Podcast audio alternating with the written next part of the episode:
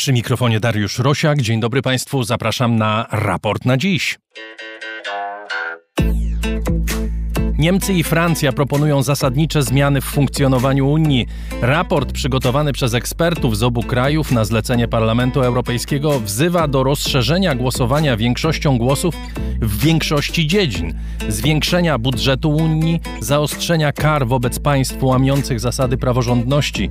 Unia miałaby się składać z czterech stref, w których na zewnątrz twardego centrum znajdowałyby się pozostałe kraje Unii państwa stowarzyszone i najbardziej na zewnątrz reszta krajów Europy.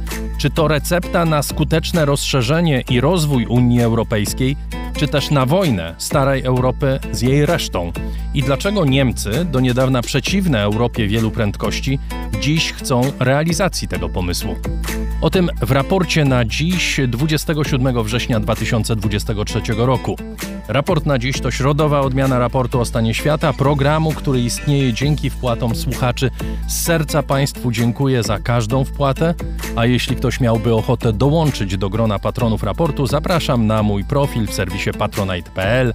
Za jego pośrednictwem najłatwiej nas wesprzeć. Zawsze zachęcam Państwa do słuchania nas do końca, a dziś szczególnie, bo na koniec ważne ogłoszenie. Mówiłem kilka tygodni temu, że pracujemy nad nową serią w ramach raportu o stanie świata. Dziś trochę więcej szczegółów. Zresztą w naszych mediach społecznościowych już te szczegóły są. Adrian Bąk i Chris Wawrzak są za to w reżyserce Studia Efektura. Zaczynamy.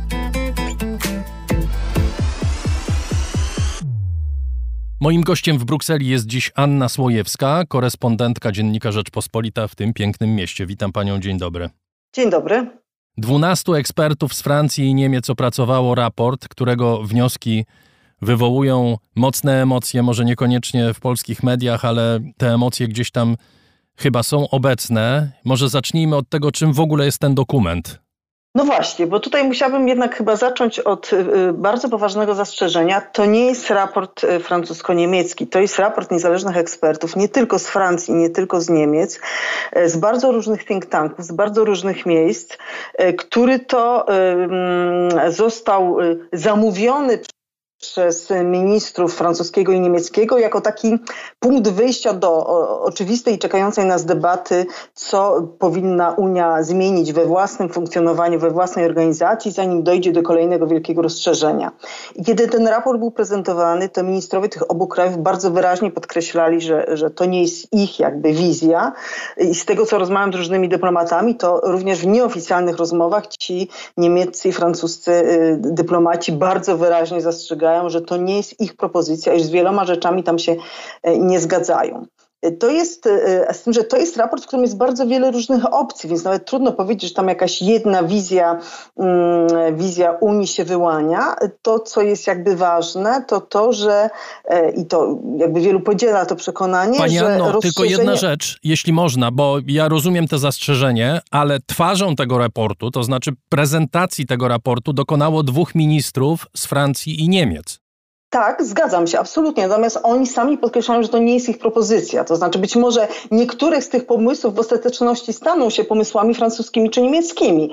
Być może. Natomiast nie jest tak, że no nie wydaje mi się i, i na pewno tak nie będzie, że jakiekolwiek państwo pozwoliłoby sobie na to, żeby jacyś eksperci, nawet najbardziej e, szanowani z najlepszych think tanków napisali im, e, jak, e, jak mają zreformować Unię, prawda? To jednak koniec końców będzie wybór polityczny. Natomiast Jasne, to dlatego pytam, czym jest w zasadzie ten dokument dokument? No bo jeżeli to jest praca naukowa czy praca badawcza, to skąd w ogóle te emocje? Dlaczego to się nie ukazało jako po prostu jakaś tam broszurka, której nikt nie przeczyta, tylko nagle okazuje się, że to być może, i tu pytanie do pani, czy tak, czy nie, może to stanowić jakąś podstawę do reformy Unii Europejskiej? Emocje myślę są dlatego, że ten raport wyraźnie pokazuje, czy powiedzmy sam fakt zamówienia tego raportu, niezależnie od tego, co w nim jest, wyraźnie pokazuje, że oto Francja i Niemcy po pierwsze chcą rozszerzenia, co jeszcze parę miesięcy temu wcale nie było takie pewne. Po drugie, że uważają, że rozszerzenie powinno być poprzedzone reformą Unii Europejskiej. Jaką, to się okaże. I tam w tym raporcie jest kilka pomysłów, w jaki sposób Unia będzie zreformowana. Tam nie ma jednej recepty na to, ale na pewno ten raport jest takim, e, no, takim punktem wyjścia do debaty koniecznej i pilnej, jak zreformować Unię, żeby Unia się mogła rozszerzyć. Natomiast sam fakt, że raport został zamówiony, oznacza, że Francja i Niemcy przyznają, tak, Unia się rozszerzy. To jest coś realnego, to nie są jakieś tam, um, jakieś tam e, górnolotne zapowiedzi, żeby sympatycznie było prezydentowi Zamińskiemu, żeby dodać ducha Ukraińcom. Nie, Francja i Niemcy doszły do wniosku, że nie ma wyjścia, że to rozszerzenie nastąpi e, i że Ukraina tak chce wyjść, że prawdopodobnie warunki członkostwa w Unii spełni. W związku z tym my ze strony Unii musimy być do tego przygotowani, dlatego zamawiają ten raport. I różne rzeczy w tym raporcie są jakby do dyskusji. To nie jest jakaś opcja francusko-niemiecka, natomiast fakt, że oni ten raport zamówili, no to oznacza, no bach, mamy początek dyskusji i teraz się pojawiają kolejne raporty, kolejne pomysły, kolejne propozycje ze strony różnych państw. Dobrze, jeszcze zanim zaczniemy rozmawiać o tym, co jest w tym raporcie i dlaczego on może budzić spore emocje, to jeszcze jedną rzecz wyjaśnijmy i uściślimy. 12 października w Komisji Konstytucyjnej Parlamentu ma się odbyć głosowanie w sprawie wstępnej wersji raportu o zmianie traktatów Unii. Na ile ten dokument, ja go nazywam francusko-niemieckim, pani uważa, że to raczej jest y, na wyrost, że to jest po prostu grupa ekspertów, jest to materiał do przemyśleń, dobrze, ale na ile ten dokument ma znaczenie w tym kontekście? Jeszcze wcześniej ma być szczyt Unii w Granadzie w przyszłym tygodniu, gdzie również sprawa zasad funkcjonowania Unii będzie omawiana. I teraz, czy ten raport ma być punktem odniesienia do tych dyskusji? Sam ten raport to szczerze powiem nie wiem, bo wiem, że są też przygotowywane e, różne dokumenty, propozycje ze strony innych państw, więc na pewno gdzieś tam do tego raportu będzie, e, będzie, będą się odwoływać, ale nie sądzę, żeby on był jakimś takim, e, no, takim podstawą do dyskusji. O tak to powiem. On może być jednym z wielu punktów referencyjnych, ale na pewno nie będzie główną podstawą do dyskusji. To jestem o tym przekonana. No dobrze, to porozmawiajmy o tym, co w tym raporcie jest, zaczynając od rzeczy chyba najważniejszej, może mnie pani poprawi, ale w każdym razie zmiana zasad głosowania, zmiana zasad podejmowania decyzji, obniżenie progu większości w wielu dziedzinach, rezygnacja w ogóle z głosowania jednomyślnego w zdecydowanej większości dziedzin. Czy to jest Pani zdaniem najważniejszy element tego raportu? Ja myślę, że tam w tym raporcie jest e, to, co dla mnie było na przykład najciekawsze, to jest to, że e, są różne różne scenariusze. Że nie jest tak, że musi być jedna reforma Unii, która pozwoli nam na rozszerzenie. Uważam, że to jest bardzo ważne, dlatego że jest taka tendencja do mówienia, musimy zrobić to, to i tamto, żeby e, wpuścić Ukrainę i inne państwa. Nie, tak nie jest. Jest wiele różnych możliwości i wiele różnych scenariuszy. Oczywiście jest kilka punktów, które będą do dyskusji w ciągu najbliższych lat. Jednym z nich jest głosowanie większościowe. I oni tutaj, ci eksperci, odnoszą się do, do takiego postulatu, który pojawia się od pewnego czasu, to znaczy, żeby znieść znieść prawo weta w tych dziedzinach, gdzie jeszcze prawo weta istnieje. Właściwie istnieje w trzech dziedzinach, w polityce zagranicznej, w polityce obronnej i w podatkach. No oni się najbardziej skupiają na polityce zagranicznej, bo też y, najbardziej jakby dyskusje tego dotyczyły. Ja może przypomnę, że no, na przykład wielki problem z Węgrami, które przy różnych okazjach szantażują Unię, bo nie chcą się zgodzić na sankcje wobec Rosji, czy inne decyzje o, o sankcjach wobec innych krajów, gdzie też jakiś kraj e, dopuszcza się szantażu, wiedząc, że innym zależy na tej decyzji, więc jakieś tam swoje warunki stawia, to jest taki, mm, taki pomysł w takim razie, ok, znieśmy to weto, bo e, już i tak jest ciężko, już i tak utrudnia nam to decydowanie. Co będzie, jak nas będzie nie 27, tylko nie wiem, 35 czy 36 państw, w zależności od tego, ile tu kandydatów e, wejdzie. I oczywiście to jest decyzja, która nie wymaga zmiany traktatów, dlatego że traktat lizboński, który obecnie obowiązuje, jest traktatem dość elastycznym. On został tak skomponowany, że w zasadzie tam wiele rzeczy można zmienić, e, nie, no nie, nie, nie bez konieczności pisania nowego traktatu. Natomiast to jest oczywiście decyzja, która wymaga jednomyślności, to znaczy bez nowego traktatu, bez referendum, ale z decyzją jednomyślną e, ministrów 27 e, państw członkowskich można by przejść do głosowania e, większościowego w e, sprawach polityki zagranicznej. Czy w części tych spraw mówi się głównie o, o sankcjach. Ci, których niepokoi ten raport, również zwracając uwagę na ten punkt dotyczący głosowania, być może bezzasadnie, ale uważają, że tak naprawdę ten program, który został przedstawiony, to jest próba zmiany zasad funkcjonowania Unii bez zmian traktatowych. Wymuszenia niejako zupełnie innego sposobu, w jaki Unia funkcjonuje, bez konieczności jednomyślnego ustanowienia nowych zasad. Czy pani się z tym zgadza? Nie, dlatego że jak już powiedziałam, na przykład zmiana zasad głosowania wymaga jednomyślności. Nie wymaga zmiany traktatów, ale wymaga jednomyślności. Więc y, nie bardzo widzę tutaj, yy, dlaczego, dlaczego takie zagrożenie miałoby istnieć. Nic w tym, e, e, w, tym, w tym raporcie, ani nic w ogóle w jakichkolwiek propozycjach, bo przecież ten raport to, no to nie są jakieś propozycje e, z kosmosu, no to są propozycje, o których się dyskutuje, które są jakie w miarę oczywiste.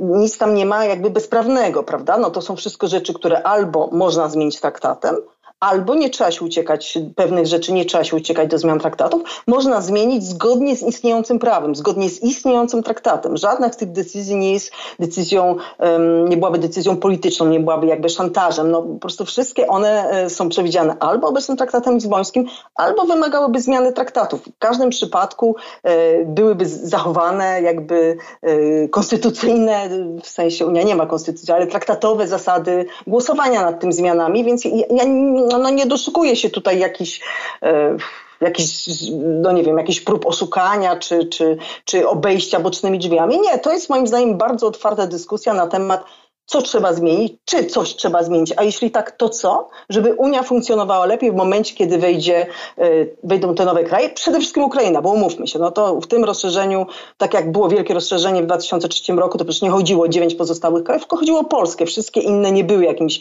wielkim problemem, bo to były małe kraje, ani, ani z tak wielką gospodarką, ani z tak wielką e, biedą, którą trzeba będzie tam zasypywać, ani z tak wielkim rolnictwem, ani z tak wielką siłą głosu, jak była Polska. To samo dotyczy Ukrainy. Ukraina to jest taka nowa Polska przyszłego rozszerzenia. Praworządność. Tutaj proponowane jest, jak rozumiem, odejście od możliwości karania i przejście do karania niemal automatycznego. To znaczy, wygląda na to, że Unia, czy Komisja, czy w ogóle ci ludzie, którzy myślą na temat funkcjonowania Unii, nauczyli się po tych ostatnich latach, zwłaszcza z takimi krajami jak Polska czy Węgry, że ten mechanizm jest bardzo trudny do egzekwowania, prawda? Te mechanizmy, które funkcjonują do tej pory. Na pewno okazało się, to znaczy to jest taka wielka nauka z ostatniego rozszerzenia, przede wszystkim z doświadczenia z e, Polską i Węgrami. E, to jest coś, o czym nie śniło się twórcom e, traktatów unijnych, że państwo, które spełniło wymogi praworządności, żeby wejść do Unii, potem zaczyna tę praworządność łamać. No i w zasadzie nie ma żadnych możliwości, żeby, żeby to jakoś skorygować, taki kurs, prawda? No nie można.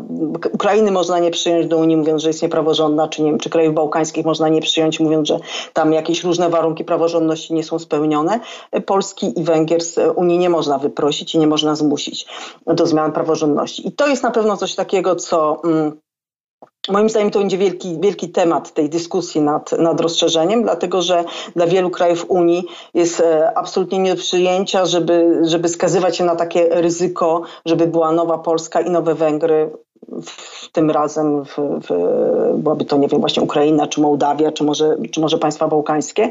E, I jestem przekonana, że bez zmiany zasad e, dotyczących jakiegoś sankcjonowania, karania za łamanie praworządności, tego rozszerzenia po prostu nie będzie. Wiele krajów, i to nawet nie, nie powiedziałabym, że Francja i Niemcy, sądzę, że tutaj dużo istotniejsze, mm, dużo silniejsza jest presja ze strony państw e, Europy Północnej, ale skandynawskich, Holandii w bardzo dużym stopniu, ale teraz to się też rozlewa właściwie i, i państwa bałtyckie już coraz częściej o tym mówią, no, że coś trzeba z tą e, praworządnością zrobić, że to musi być możliwość e, nie, że ukarania tylko wtedy, kiedy kto zagraża interesom finansowym Unii, ale po prostu jakieś możliwości nałożenia sankcji e, e innych takich, no, no dotkliwych. No sankcji budżetowych, tam jest mowa o sankcjach budżetowych, czyli odebrania też, pieniędzy. Tak, ale też na przykład odebrania prawa głosu, co teraz jest niemożliwe e, w naradach Unii, więc to, to będzie na pewno wielki temat tego, tej dyskusji o rozszerzeniu. Jeszcze jeden ważny chyba aspekt tych propozycji to jest budżet, prawda? Tam się pojawiają propozycje, które znowu do niedawna były bardzo, powiedziałbym, ekstremalne, skrajne. Niektóre państwa w ogóle nie myślały o czymś takim jak takie zasadnicza zmiana e, w podejściu do finansowania działań Unii, prawda? To wzmocnienie budżetu Unii, uwspólnotowienie długu, te wszystkie rzeczy, to jest w oczach tych autorów, y, jak rozumiem, przyszłość Unii. W oczach autorów tak, ale czy w oczach e, państw Unii to bardzo w to wątpię. To jest temat, który jest wałkowany przy okazji każdej nowej e, perspektywy budżetowej, każdego nowego wieloletniego budżetu, który w Unii jest taka reguła się przyjęła, że na 7 lat jest przyjmowany. Komisja za każdym razem proponuje, żeby, żeby, mm, no żeby miała tak zwane zasoby własne, czyli żeby miała jakieś własne unijne podatki, czy to by była jakaś opłata klimatyczna, czy jakiś, jakaś część VAT-u. Jakby zakładając, że państwa członkowskie korzystają ze wspólnego rynku, więc jakaś tam część opłaty za różne takie dobra wspólne, które, które istnieją tylko dzięki, jakieś przychody, które istnieją tylko dzięki Unii, żeby jakaś część automatycznie szła do budżetu i wtedy Bruksela miałaby po pierwsze więcej pieniędzy, po drugie byłaby bardziej niezależna od tych ciągłych negocjacji, kłócenia się tam przez trzy kolejne noce na szczycie o, o każde euro. Ale moim zdaniem to jest bardzo, bardzo wątpliwe, żeby to przeszło, bo to jest rzecz, która, e, no, która mówię, już ty, tyle razy proponowano i jakakolwiek, nawet najmniejsza reforma spotkała się z ogromnym oporem wielu państw członkowskich, a uwspólnotowienie długo, no to wydaje mi się, że dla państw mm, Europy Północnej, również dla Niemiec to jest, to jest bardzo, bardzo by było ciężkie do przyjęcia. Francuzi oczywiście by chcieli, państwa południa by chciały, ale myślę, że Niemcy, Holandia, kraje skandynawskie, kraje bałtyckie, że one by tego nie przyjęły. Po co to wszystko jest? Czas je bardzo szczerze i wyraźnie powiedzieć. Nie było w historii Unii żadnego rozszerzenia, które by się odbyło bez reformy. Każde rozszerzenie było poprzedzone uchwaleniem nowego unijnego traktatu, więc naprawdę nie ma nic dziwnego i zaskakującego w tym, że i przy tym rozszerzeniu, które być może będzie po, po rozszerzeniu o nas i o dziewięć innych państw Europy Środkowo-Wschodniej po upadku żelaznej kurtyny, sądzę, że będzie to najtrudniejsze rozszerzenie Unii, albo w ogóle najtrudniejsze, albo drugie w kolejności. E, więc no, dzi dziwne to nie jest, że, że mówi się, czy to to o zmianie traktatu, czy to o zmianach w funkcjonowaniu Unii. Chodzi zarówno o to, żeby ta Unia była bardziej decyzyjna, ale też pamiętajmy, chodzi nie tylko o zmiany legislacyjne, chodzi o zmiany polityk. Czy można przyjąć Polska tutaj podnosi ten problem, prawda? Czy można przyjąć Ukrainę teraz przy funkcjonowaniu obecnej polityki rolnej? Ukraina będzie wielkim producentem rolnym, będzie dostawała wielkie dopłaty, jednocześnie będzie miała nieskrępowany dostęp do unijnego rynku produktów żywnościowych. Czy my jesteśmy gotowi na coś takiego? Dalej, Ukraina będzie wielkim biorcą e, funduszy z polityki spójności. Czy my mamy tyle pieniędzy? Czy jesteśmy gotowi na to, żeby, żeby Ukrainie i tym innym państwom te wielkie środki przekazywać? Więc no, to są rzeczy, na które musimy sobie odpowiedzieć. Ale ja powtórzę jeszcze raz, moim zdaniem to, co jest najciekawsze w tym raporcie, a właściwie y, w, tym, w tej publikacji raportu jest to, i to mi mówi wiele osób, nawet dyplomaci z państw niesłychanie, y, niesłychanie sprzyjających Ukrainie, takich wielkich adwokatów. Rozmawiam z dyplomatami z państw bałtyckich i oni mówią, że, że ten raport to jest świetna wiadomość, bo to pokazuje, że Francja i Niemcy chcą rozszerzenia, że chcą rozszerzenia. Jeśli Francja i Niemcy mówią, że chcą rozmawiać o reformie, to znaczy, że uznały, że rozszerzenie Ukrainy jest po prostu nieuniknione. A czy ci pani znajomi nie widzą negatywnego aspektu tego, że owszem, Francja i Niemcy mogą chcieć rozszerzenia, ale oznacza to także, że Francja i Niemcy, ten dokument oznacza, że Francja i Niemcy godzą się na Europę czterech prędkości. Francja zawsze tego chciała, Niemcy do czasu pani Merkel tego nie chciały. W tej chwili pojawia się propozycja czterech kręgów, czyli Europy, która funkcjonuje co najmniej na poziomie tych 27 członków, funkcjonuje co najmniej w, w dwóch biegach, prawda? W, na, w dwóch prędkościach.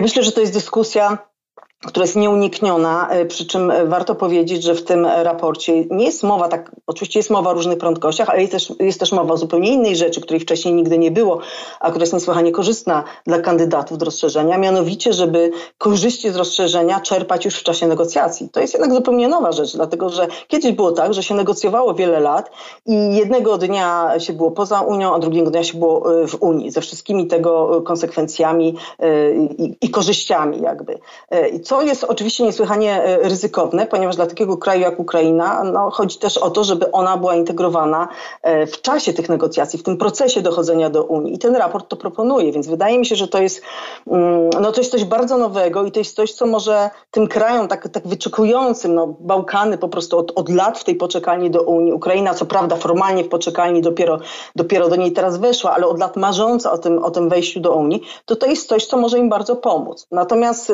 natomiast Natomiast dyskusja o tym, czy potem Unia ma się rozwijać w ilu tam prędkościach, no mi się wydaje, że to też jest taki troszeczkę wniosek wyciągany z obecności takich państw jak Polska i Węgry, które, które chcą wszelkich korzyści ze wspólnego rynku, z polityki spójności i tak dalej, ale nie bardzo chcą się integrować z wartościami unijnymi. No i ten raport jakby no, mówi o tym, okej, okay, no to jak ktoś nie chce, to proszę bardzo, to może się wycofać do kręgu innej prędkości. To sądzę, że to jest y, dyskusja, która znaczy mi się wydaje, że ona jest niepokojąca dla tych, którzy, którzy nie chcą być w tym głównym rdzeniu Unii. No, ale jeśli oni nie chcą być w tym głównym rdzeniu Unii, to w zasadzie chyba dla nich taka propozycja powinna być y, interesująca, prawda? No, będzie możliwość nie, nie, nie bycia w rdzeniu Unii. Natomiast to jest wyraźnie powiedziane. No, jeśli chcemy czerpać wszystkie korzyści z bycia w Unii, to też musimy spełniać wszystkie obowiązki wynikające z tego, z tego członkostwa. To jest y, to, o czym mówił niedawno również Charles Michel, ale czy to też nie odzwierciedla filozofii unijnej, a może, a może do pewnego stopnia zmiany w tej filozofii unijnej? No bo do tej pory my byliśmy właściwie konfrontowani z taką sytuacją, że jeżeli chcesz być w Unii, to musisz spełnić warunki unijne. W tej chwili, jak rozumiem, te cztery kręgi to jest powiedzenie państwom: słuchaj, jak chcesz być w tym twardym rdzeniu Unii, to musisz spełnić takie a takie warunki. Musisz przyjąć e, nasz sposób e, myślenia na temat, nie wiem, równouprawnienia kobiet i mężczyzn. To jest jedna z tych rzeczy, która tam niepokój wywołuje u niektórych, prawda? Następuje zmiana języka, równouprawnienie kobiet i mężczyzn zastąpione zostaje równouprawnieniem płci, na przykład, prawda? Podaję jeden z przykładów. Musisz zaakceptować pewne rzeczy, musisz zaakceptować, że w tym rdzeniu decyzje podejmowane są tak, jak my to proponujemy. Natomiast jeżeli tego nie chcesz, możesz być gdzieś na obrzeżach i możesz czerpać odrobinę z tego, czym jest Unia Europejska, ale nigdy nie będziesz naszym kolegą z naszego klubu.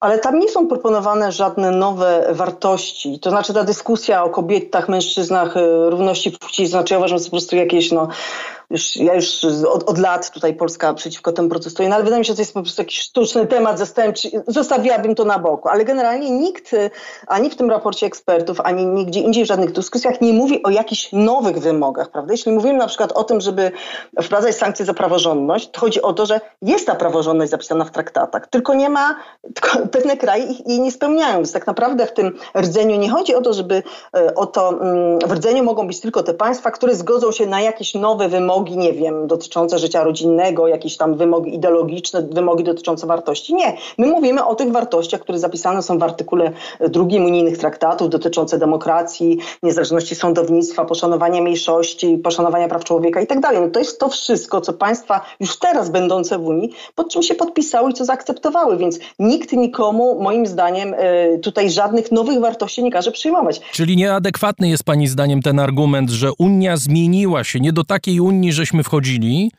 Unia zmienia się z roku na rok, staje się coraz bardziej obca swoim obywatelom i musimy przewartościować sposób myślenia o niej. To znaczy, jeśli ktoś mówi, że y, Unia jest obca y, swoim obywatelom, to jest to argument polityczny, prawda? No to nie jest argument dotyczący wartości, traktatów, jakby struktury Unii, znaczy reform Unii. No, jest to jakiś argument polityczny. Dobrze, być może ktoś może mieć taką opinię. W takim razie zbierzmy się, niech politycy zadecydują, co zrobić, żeby ta Unia była bliższa obywatelom. I takie dyskusje co jakiś czas są, w związku z tym pojawiają się różne inicjatywy, żeby, żeby ludzie lepiej rozumieli, do czego ta Unia służy. Począwszy choćby od, coś, od czegoś takiego jak roaming na przykład, prawda? Że możemy dzwonić w tej samej cenie we wszystkich krajach Unii. Punktem wyjścia do tego było też myślenie, że Unia się oddala od obywateli, że obywatele przestają widzieć korzyści z bycia w Unii, prawda? No więc są od czasu do czasu różne takie mm, inicjatywy, e, nie wiem, Erasmus na przykład, to też jest coś, co zostało właśnie po to, żeby ludziom, ludziom pokazać, że, że, że Unia to jest jakaś wartość, że to nie jest tylko wspólny rynek i tak dalej. Więc to oczywiście możemy o tym dyskutować. Pani Anno, w kolejnych państwach coraz częściej do głosu dochodzą partie, które są albo wrogie, albo sceptyczne wobec tego typu zmian. Za chwilę będziemy mieli wybory w Holandii, kolejne wybory w landach niemieckich, w których AfD zdobywa władzę. Za chwilę będziemy mieli wybory w Polsce, w których problem Unii Europejskiej przez moment zostaje przykryty sprawą Ukrainy. Za chwilę mamy wybory w Słowacji.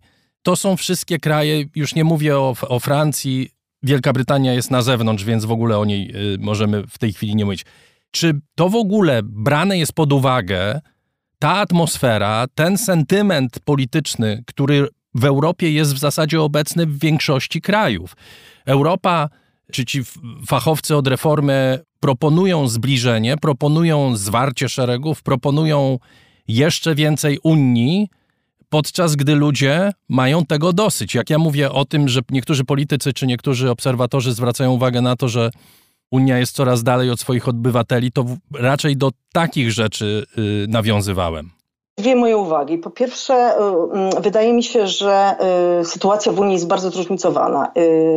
W mojej ocenie jest jedna partia wprost antyunijna, to jest niemiecka alternatywa dla Niemiec, AfD. To jest jedyna partia, która opowiada się czasem za wyprowadzeniem Niemiec z Unii, partią, partią otwarcie antyunijną.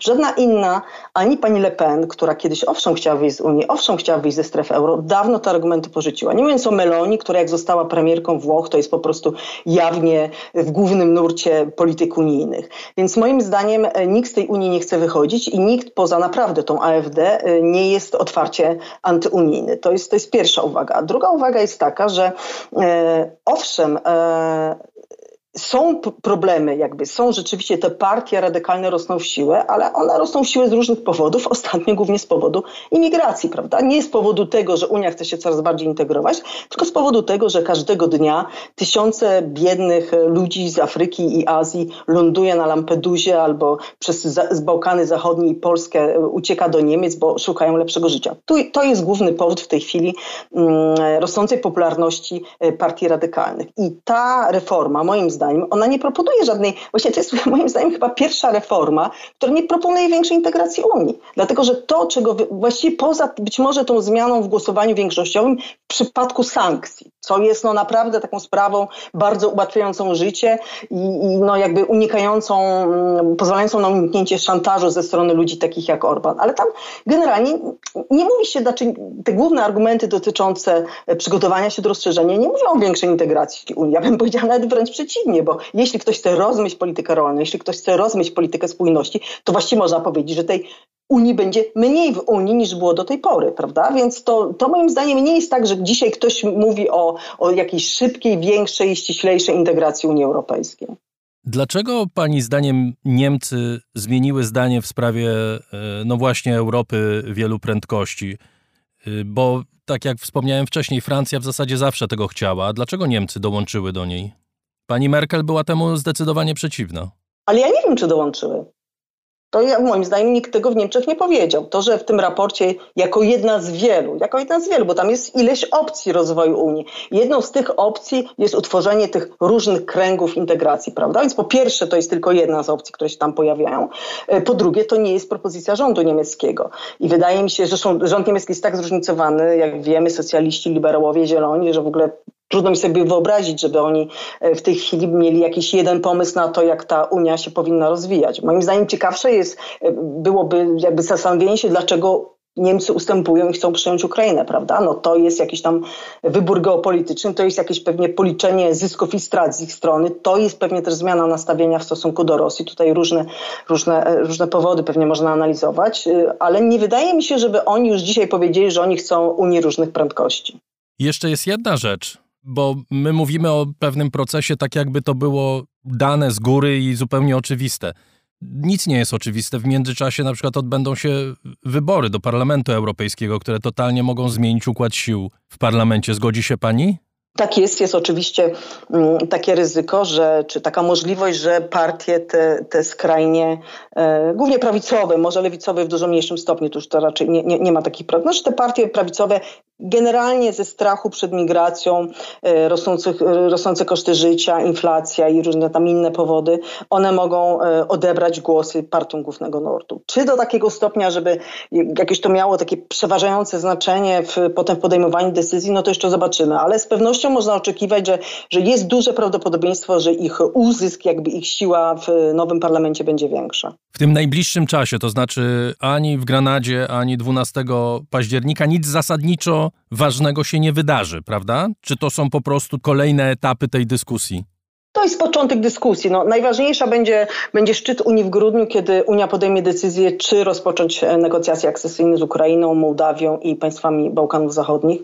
Pewnie podejmie decyzję pozytywną i w momencie, jak podejmie decyzję pozytywną, to na dobre i na poważnie wtedy wszyscy, znaczy już teraz, jak mówię, ta dyskusja zaczęła, jest ten, ten, ten słynny i, i jakby taki wiele ważący w sensie treści e, raport sygnowany przez, e, przez Francję i Niemcy. Pojawiają się kolejne raporty i to już będzie no, naprawdę, no, jeśli otwieramy negocjacje z tymi państwami i mówimy, że musimy się y, do tego przygotować, no to w takim razie, jeśli decyzję podejmujemy w grudniu, to na poważnie musimy zacząć się do tego przygotowywać. Dziękuję bardzo. Anna Słojewska, korespondentka Dziennika Rzeczpospolita w Brukseli, była gościem raportu o stanie świata. Dziękuję pani bardzo. Dziękuję. I to już prawie wszystko w tym wydaniu raportu na dziś. Zapraszam w sobotę na raport o stanie świata i już we wtorek na początek naszej nowej serii programów. Wszystkiego jeszcze Państwu nie powiem. Wszystko powie w sobotę Agata Kasprolewicz, która tę serię opowieści, bo to będą opowieści, realizuje w towarzystwie głównego bohatera i naszego opowiadacza. Tę postać znają Państwo doskonale z raportu o stanie świata i bardzo się cieszę, że dochodzi do skutku to nowe nasze wspólne przedsięwzięcie. Zapraszam najpierw w sobotę, potem we wtorek, co tydzień przez sześć tygodni, więcej szczegółów w sobotę. Wszystko, co robimy w raporcie, możliwe jest dzięki Państwu. Z serca dziękujemy.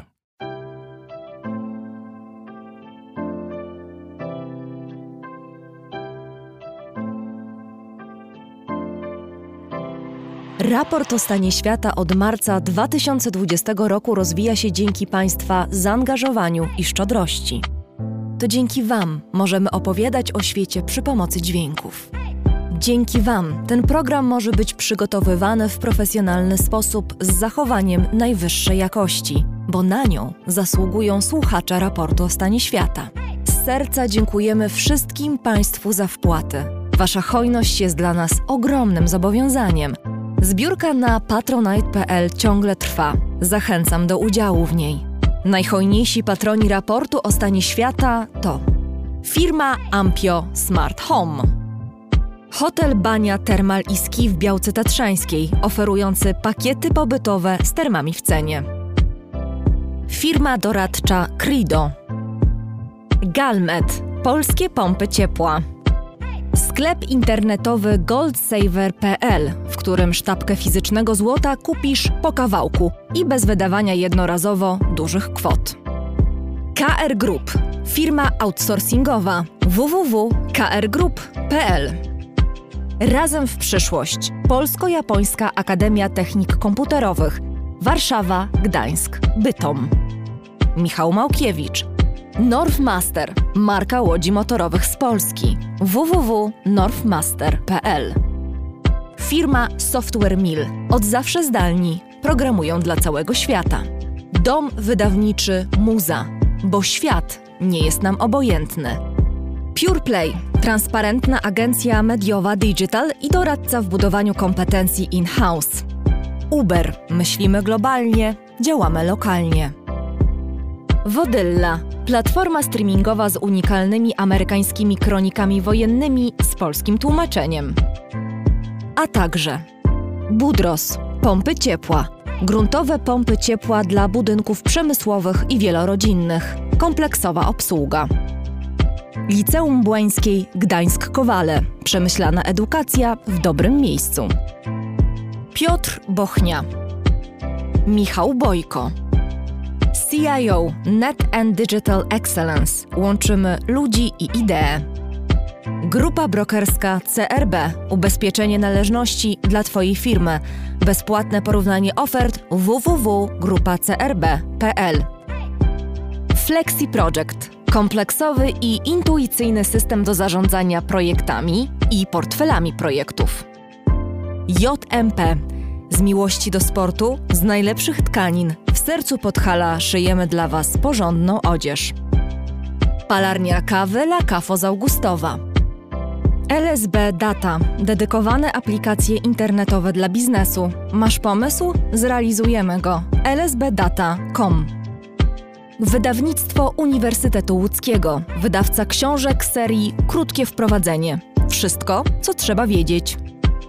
Leszek Małecki. Medmi Sklep. Tysiące produktów dla Ciebie na zdrowie. Sprawdź na medmesklep.pl. Aplikacja Moja Gazetka. Polska proekologiczna aplikacja zakupowa z gazetkami promocyjnymi i nie tylko. Moja Gazetka. Kupuj mądrze. Muzeum Kinematografii. Organizator 33. Festiwalu Mediów Człowiek w Zagrożeniu. Firma ODO24. Optymalny kosztowo outsourcing ochrony danych osobowych ODO24.pl. Firma Prosper z Sosnowca. Hurtownia elektroenergetyczna i właściciel marki Czystuś. Stratego Group. Pozyskujemy dofinansowanie unijne dla firm i dla osób chcących założyć działalność gospodarczą. Stratego.group.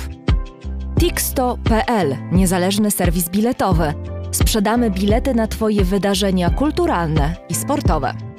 Drukarnia cyfrowa totem.com.pl. Wspieramy wydawców i self-publisherów. Drukujemy najpiękniejsze książki. Fundacja Wasowskich, opiekująca się spuścizną Jerzego Wasowskiego i wydawca książek Grzegorza Wasowskiego. Szczegóły na wasowscy.com. Michał Wierzbowski. Wayman oprogramowanie wspomagające firmy inżynieryjne w zarządzaniu projektami, stworzone przez polskich inżynierów dla sektora projektowego www.wayman Software. Zen Market pośrednik w zakupach ze sklepów i aukcji w Japonii Zen Market JP. Dziękujemy bardzo. To dzięki Państwu mamy raport o stanie świata.